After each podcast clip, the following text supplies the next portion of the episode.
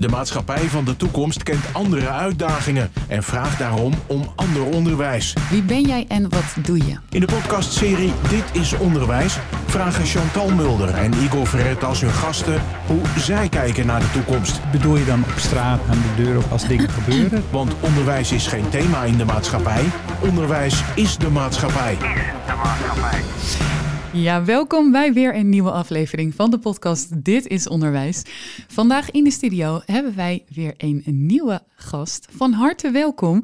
Wil jij jezelf voorstellen? Wie ben je en wat doe je? Ja, wie ben je, wat doe je? Nou, ik, uh, wat ik doe is heel veel. Uh, nog een druk mannetje, maar ik uh, ben Olaf Koch en ik ben een Alkmaarder.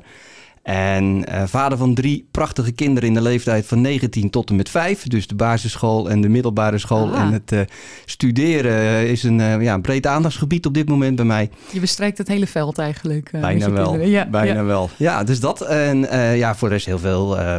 ik werk in de financiële sector. ik heb ooit Pabo gedaan, cabaret gedaan. Ben veel betrokken bij jeugdactiviteiten. En zodoende mocht ik hier aan tafel schuiven. Logische loopbaan. Ja, heel logisch. Klinkt heel divers, maar ook heel spannend. Wie weet. Leuk. Um, nou, wij gaan jou graag, uh, Olof, even wat stellingen voorleggen. Uh, of je daar kort op wil reageren. En Igor gaat dan met jou het gesprek daarover aan. De eerste vraag die, willen, die we je willen stellen is: wat is volgens jou het doel van onderwijs? Uh, het doel van onderwijs is, denk ik, dat we er moeten naar moeten streven dat alle kinderen gezond, gelukkig als volwassen opgroeien en uh, ja, voldoende bagage hebben om in de maatschappij en hun talenten te kunnen benutten. Uh, en dat ze eigenlijk later kunnen terugkijken van ja, ik heb er eigenlijk voor mezelf het beste en het mooiste uitgehaald voor wat ik in me had. En ja, als je daar een hele mooie basis in kan leggen in het onderwijs, op een breed terrein, dan denk ik dat je, dat je een heel mooi doel hebt. Ja, dat klinkt echt als een prachtige missie door dat soort dingen word ik heel trots op mijn vak altijd. Dus het is mooi dat je dat zo zegt. Um, wat is in jouw ervaring dan het belangrijkste dat jij zelf op school hebt geleerd? Uh, wat ik vooral op school denk, ik heb best lang op school gezeten. Dus, maar als ik het op de basisschool hou, dan, uh, ja, ik zei het net nog even thuis, vind ik het toch wel heel mooi dat ik op een school heb gezeten waar alle lagen van de maatschappij eigenlijk wel aanwezig waren. En ja, dat is wel een hele mooie bagage geweest waar ik, uh, ja, waar ik mijn leven mee wat hoop te doen. Oké, okay, ja, dus de diversiteit eigenlijk die jij in je basisschooltijd hebt meegekregen, die vond je echt een meerwaarde. Ja, ik zat, uh, ik zat op een christelijke basisschool in, uh, in Oud-Overdie. En daar kwam van alles bij elkaar. En dat heb je als kind helemaal niet door. Maar later dacht ik, dat is eigenlijk wel heel rijk. Ja, mooi, ja. Vind ik tof. Um, vind jij dat leren leuk moet zijn? Um, het is mooi als je, als je ergens enthousiast van, van bent. Dat leert makkelijker. Ja. Maar ik heb ook ervaren dat sommige dingen niet leuk zijn. Maar je moet het wel even doen. En uh, ja, het is heel mooi als het leuk is. Maar ja, het moet leuk zijn. Maar het is niet altijd leuk. Precies. Maar zoveel mogelijk leuk. Zoveel mogelijk leuk. en in ieder geval van waarde dus. Zeker, ja, ja. ja. Als jij iets zou willen toevoegen aan het huidige onderwijs, wat zou dat dan zijn? Ja, ik denk zelf toch wel uh, om. Kijk, de, de, maatschappij is zo breed en kent zoveel aspecten. En uh, die worden heel erg goed in het onderwijs, denk ik, benut. Voor wat ik ervan zie. Ik sta mm. niet voor de klas. Maar ik denk dat dat, dat, dat nog breder kan en nog, nog, ja, nog rijker kan eigenlijk qua, qua, qua dingen die er zijn. Ik heb er wel voorbeelden van, maar ik moest het kort houden. Ja. Dus Zeker, we vragen je straks de hem van het lijf. Zo'n duidelijke opdracht, hè? Ja. Um, maar mooi, ik hoor hier ook alweer echt de breedte heel erg in. Dat is misschien bij jou wel echt een thema, daar gaan we achter komen. Um, waar moeten we dan absoluut mee stoppen in het onderwijs? Um, ik denk uh, twee dingen. Voor wat ik ervan zie, hè? Ja, ja. Uh, ik denk dat we moeten stoppen met een soort, noem ik het Calimero-gevoel. Zij zijn groot, ik ben klein. Ik denk dat onderwijs een prachtig vak is. Mm. Uh, een heel rijk vak is. En dat dat echt veel respect ook van ouders verdient. En uh, dat verdient het misschien ook al, maar misschien ook niet genoeg. Maar ik denk dat we moeten stoppen door te denken, ja, we zijn maar onderwijs. Nee, we doen echt iets moois. Nou, prachtig. Dus daar zou ik mee stoppen. En de tweede is uh, kinderen met elkaar vergelijken en beoordelen. Dat denk ik niet dat dat... Ja, dat heb ik zelf ook niet als prettig ervaren. En ik kan me zo voorstellen dat dat niet handig is. Maar goed. Tof, dankjewel. Het indelen op basis van een gemiddelde zorgt voor een tweedeling in de maatschappij. Ja, wat is een gemiddelde? een gemiddelde, eh, ik heb ooit een keer de statistiekleraar horen zeggen. eh, is overigens een saai vak natuurlijk, maar die, die maakt We het leuk. vragen dit aan een financiële man Ja, ja. op dit moment. Wat is een gemiddelde? Ja, ja en, en, en die zei, ja, een gemiddelde, een, een statisticus die verdrinkt in een sloot van gemiddeld een centimeter diep. Hè, dus wat is een gemiddelde? Ehm, maar zorg voor een tweedeling in de maatschappij. Ja, je, ja ga even op cijfers. Gemiddelde is het, is het, is het midden. Hè, of, hè, een beetje, ja. Ja, je haalt de hele Dus je- dus je hebt wat erboven hoge, lage. Ja. dus dan heb je automatisch een tweedeling. Want er zit een deel onder en een deel boven. Of Ja. dat goed is, vraag ik me af. Want wat ik net al zei, je moet niet met elkaar vergelijken. Je moet met jezelf vergelijken. Precies. En buiten die smalle marge gaan kijken die nu als de norm wordt gezien. Zou Ja, ik doen. Maar Ja. goed. Tof. Ehm, toetsen en cijfers geven werken demotiverend.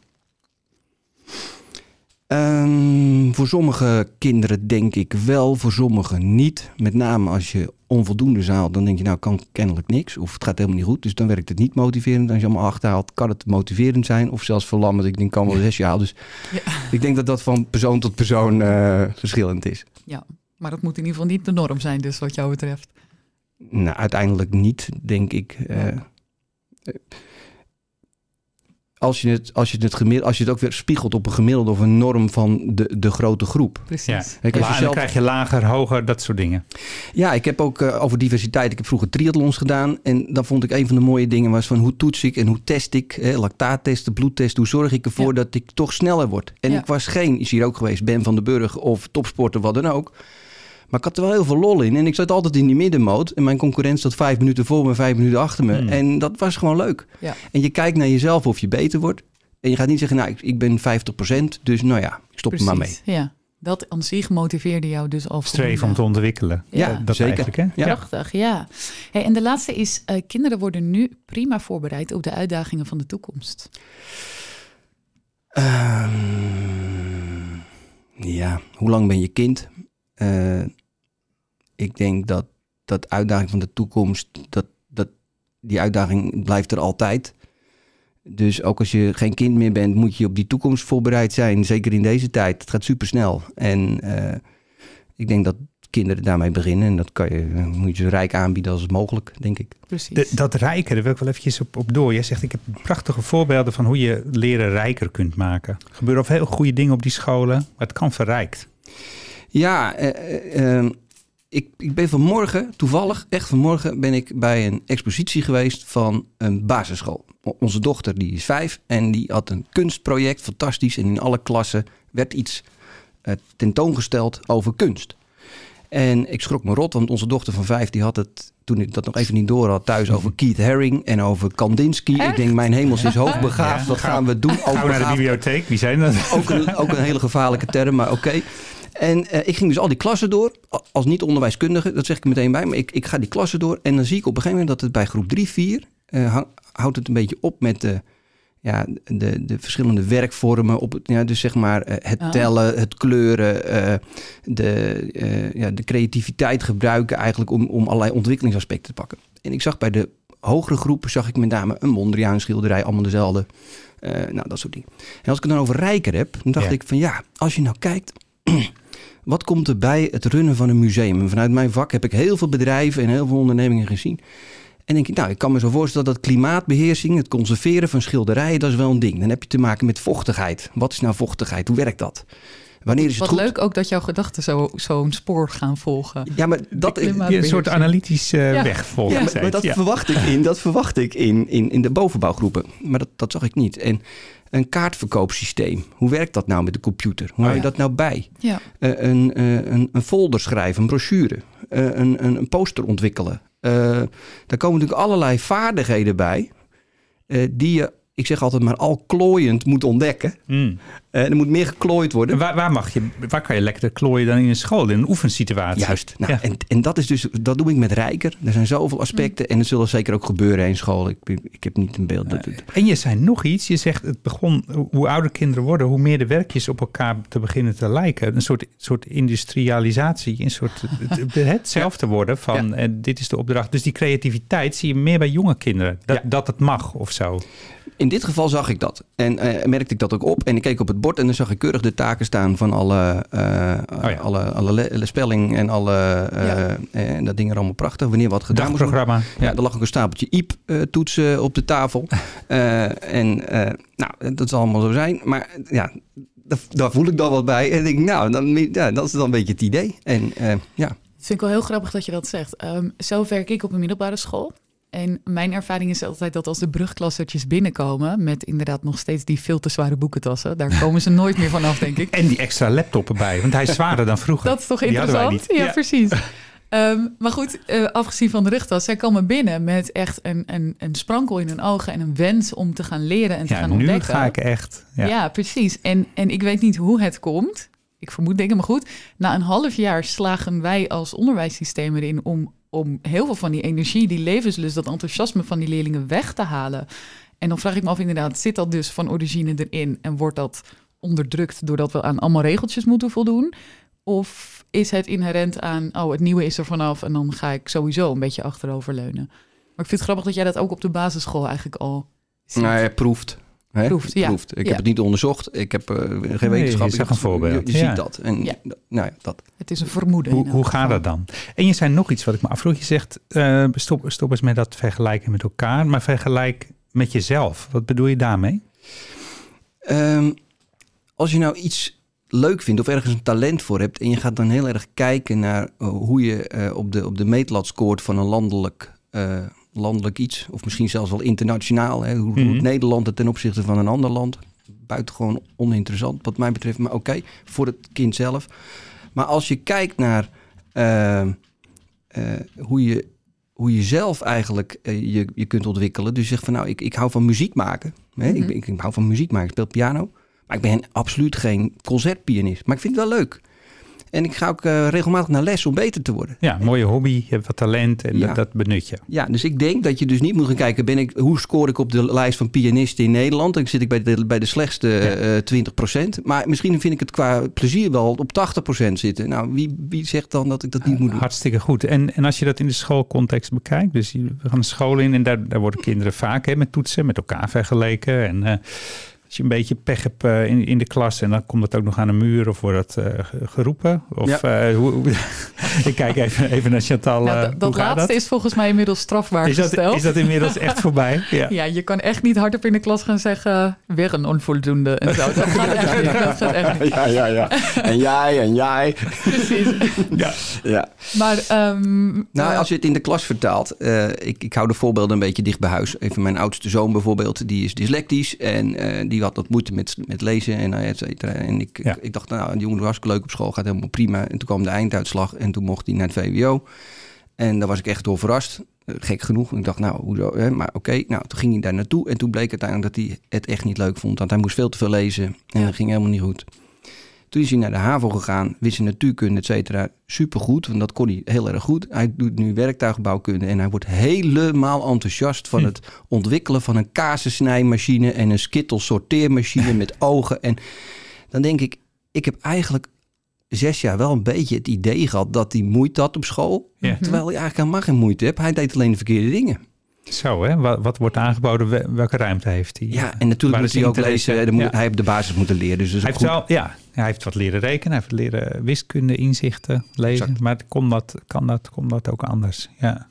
Nou, ik vind het wel een prachtig voorbeeld. Want als, als hè, jullie misschien een ander type ouder waren geweest... en jullie hadden tegen jullie kind gezegd... die hè, niet heel veel affiniteit met taal heeft... je moet en je zal eh, op, op dat niveau blijven presteren... dan was hij misschien iets gaan studeren of daarna gaan doen voor beroep... wat hij helemaal niet leuk vindt. Bijvoorbeeld, ja. Waar hij heel veel moeite voor zou moeten doen... en waar dus niet zijn hart ligt. Nee, en kijk, ik denk uiteindelijk dat je dus, dus de, de dingen waar je talent ligt en wat je goed vindt, dat is om dat te ontdekken bij, bij alle kinderen. Want iedereen Ja. heeft zijn talenten. Ja, Eh, en ja, het is mooi als iemand daar met plezier op teruggeeft. Van ja, daar doe ik echt goede dingen. Ik ben goed in iemand verzorgen. Of ik, eh, ik ben heel goed in alle- allerlei foutjes in, in kleine dingetjes ontdekken. Eh, nou, ga dat doen. ja, ontwikkel dat verder en laat jezelf shinen daarin. Daarin Ja. ben jij misschien zelf wel een bijzonder iemand. Want ik hoor echt allemaal dingen. Ik hoor piano, triathlon, eh, pabo, ehm, eh, financieel adviseur. Dat is echt een heel... Je bent een heel divers persoon daardoor. Ja, Dat heb je niet allemaal standaard aangeboden gekregen op school. nee. Hoe zit dat? Hoe is dat bij jou tot ontwikkeling gekomen allemaal? Ik denk, ik heb daar veel over nagedacht. Ik heb ook wel met een goede vriend een borrel gedronken. En die zei, ik zeg, ja, ik ben nergens echt heel goed in. Zei hij, maar jij bent heel goed in heel veel dingen eh, een, een, be- een beetje, een beetje kunnen. Uh, maar ik denk dat de grootste gemene deler is dat, dat er veel meer overeenkomsten in beroepen en taken en dingen zijn dan wij misschien wel denken. De factor mens Ja. is overal. Of je nu met financiën werkt, of op een school, of in een bestuur van de 8 oktobervereniging, of in. Het maakt niet uit. Je hebt met mensen te maken en eh, gezond verstand. En uh, ik denk dat dat de basis uiteindelijk is. Dus zo divers is het niet, want het is eigenlijk allemaal, komt veel op hetzelfde neer. Ja. En dat is wel interessant. We hadden een volgesprekje uh, voordat we deze opname gingen doen. En toen hadden we het ook al inderdaad over de factor mens.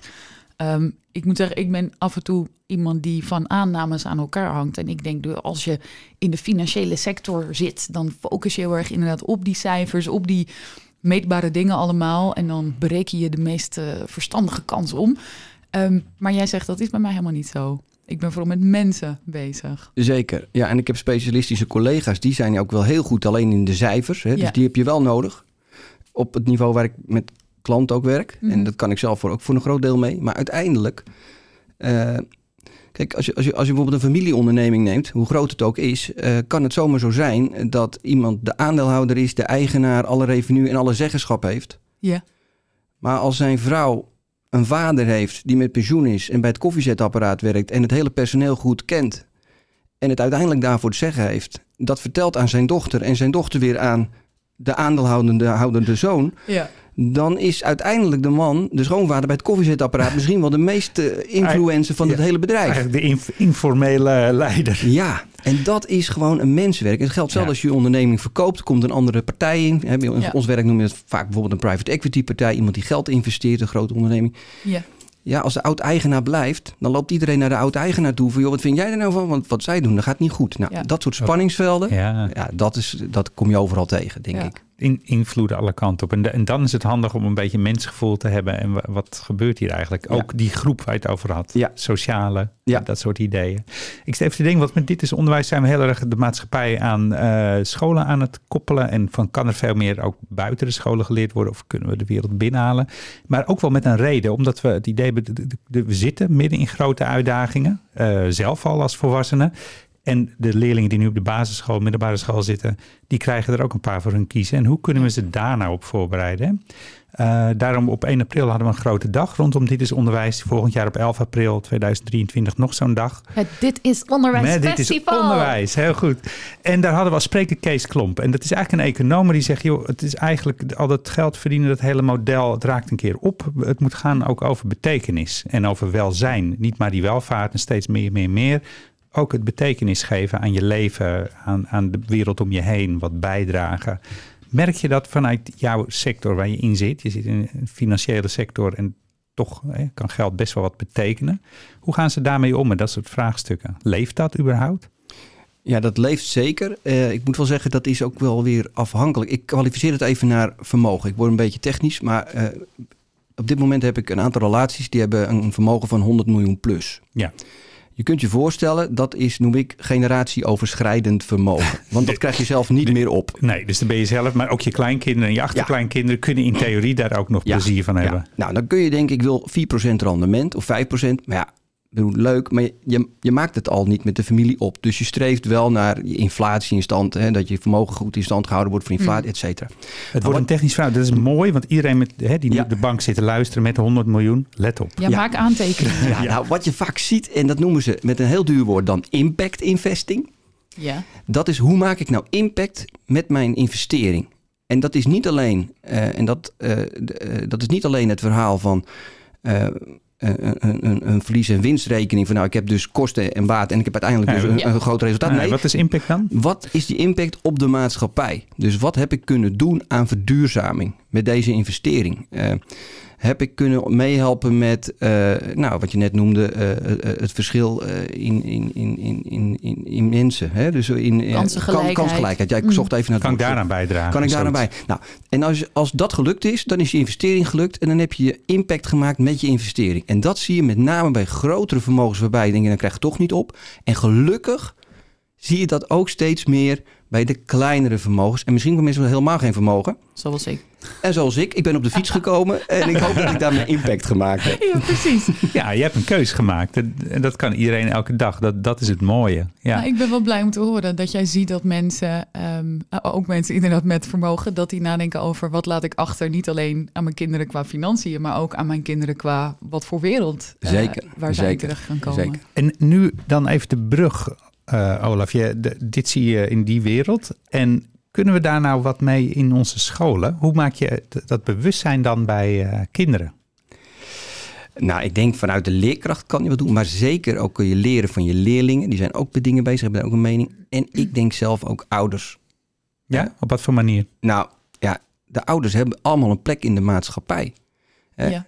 Ik in dit geval nu voor deze rol in de financiële sector. Mijn vriendin werkt bij het Hoogheemraadschap. Eh als je kijkt naar het watermanagement in Noord-Holland. Ja. Eh, ik reed net langs de Lees, eh eh, Smith, eh, hoe heet het, de chipsfabriek. Ja, Fabriek, ja. fabriek hier. Ja. Daar heb ik ook iemand die ik ken. denk ik, nou, ik heb er ooit een rondleiding gehad. eh, en dan gingen ze aardappelen schillen in een centrifuge met schuurpapier aan de binnenkant. Even heel simpel gesteld. Dus het was werktuigbouwkundig buitengewoon interessant. Nou, als daar iemand werkt en die zegt, ik ga dat in school iets over laten zien. En ontwikkel je eigen chips of iets.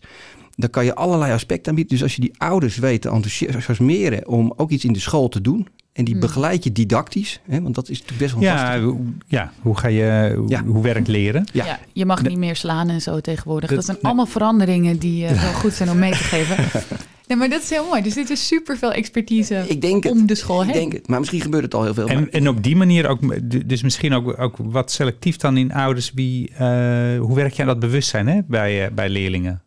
Zonder ze wanhopig te maken van wat komt er allemaal op ons af qua, qua du- duurzaamheid, klimaat. Maar juist in die kansen en keuzes. ja, Daar, daar zie je kansen met de ouders meer betrekken bij het onderwijs. Dat denk ik, dat denk ik. En eh, eh, kijk, als leerkracht kan je dat niet allemaal zelf weten. Je kunt wel denken van hoe maak ik de vertaalslag naar de kinderen, zodat ze het begrijpen. Hè? Ja. Als je over impact investing gaat praten in groep 3, ja, kansloos.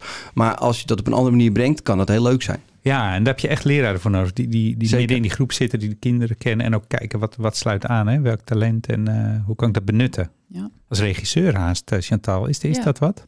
Nou ja, sowieso is het leraarschap veel meer coachend aan het worden dan dat het bijvoorbeeld vakspecifiek is. En je zou natuurlijk Hmm. ook hè, vakkennis bij ouders vandaan kunnen halen. En de docent of de leraar die coacht dan die hele horde leerlingen en enthousiaste ouders om eh, samen eh, stappen te gaan zetten. Lijkt me heel tof. Ja, ik denk dat dat heel goed is. Maar Hoe heb je dat, eh, want je- zei van, nou ja, in mijn loopbaan heb, heb ik nog wel eens wat eh, gemist. Mijn schoolloopbaan dan, in, in te, om te worden wie ik ben, om eh, te kijken wat kan ik nou, eh, knokken tegen cijfers. Eh, een tipje van de sluier nog eh, zo tegen het einde daarover oplichten? ja, dat kan zeker. Eh, ik, want ik noemde het in het begin, dat is nog niet zo lang geleden dat Ja. ik het zei. Dus ik, eh, eh, en, en ik denk, waar moest ik dan ook weer aan denken?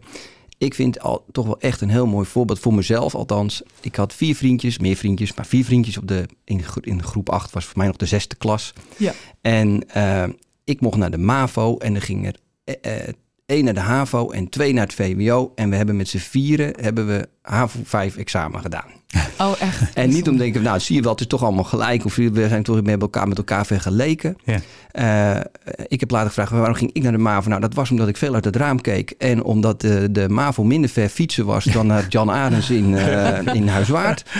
En eh, uiteindelijk is het toch ja, de, de mean reversion, om het zo maar te zeggen. Weer terug naar dat gemiddelde, dat je toch allemaal weer... En uiteindelijk zijn we allemaal, zijn we allemaal onze dingen gaan doen. Ja. En, en gelukkig geworden of niet. En dat ligt niet aan hoe dat zo Dus zit. kan het ook helemaal, ja precies. Wij, Ja. wij hadden in een andere podcast, eh, hadden we de, de, de algemeen directeur van een scholengroep. en die zei ook van, nou ja, misschien moeten we dat VMBO, die HAVO en, en dan MBO en zo, dat dat het allemaal maar stopt. En zet gewoon eh, leerlingen eh, neer, laat ze doen waar ze goed in zijn. Uiteindelijk krijgen ze wel iets rondom vaardigheden en een soort beroepsdiploma, maar ga er allemaal niet zo op scheiden. Ja, nou, dat, dat zou ik eerst willen laten onderzoeken door deskundigen, maar eh, je zegt het. Ja, analytisch als hij is, als Ja, uh, mooi, hè? financieel mooi. hè? Ja, toch. We hebben je allerlei toezeggingen willen ontlokken vandaag, maar het is niet gelukt, hè. Igor? Dat is toch jammer. Oh, jammer. Ja, maar hij heeft wel dromen, dat hoor je. Ja, zeker. Nou ja, en ik vond jouw missie die je uitsprak aan het begin, hè, dat eh, onderwijs af moet van dat Calimero-effect, heel mooi. Prachtig. Ja. Toevallig, hoe kan het, eh, heb ik een quote die daar misschien wel een beetje aan relateert. Eh, zou je daar ook even op willen reageren als laatste?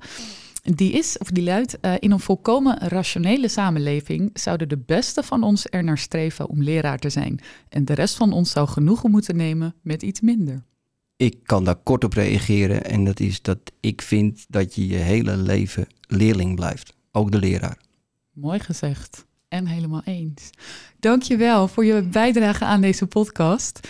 Uh, lieve mensen, dit was weer een aflevering van Dit is Onderwijs. Wil je meer weten? Kijk dan op ditisonderwijs.nl. Dit was Dit is Onderwijs. Een podcast waarin we proberen een verbinding te maken tussen het onderwijs en de wereld van morgen. En die van de dag daarna. Dit is Onderwijs is een samenwerking tussen SAX en Streekstad Centraal.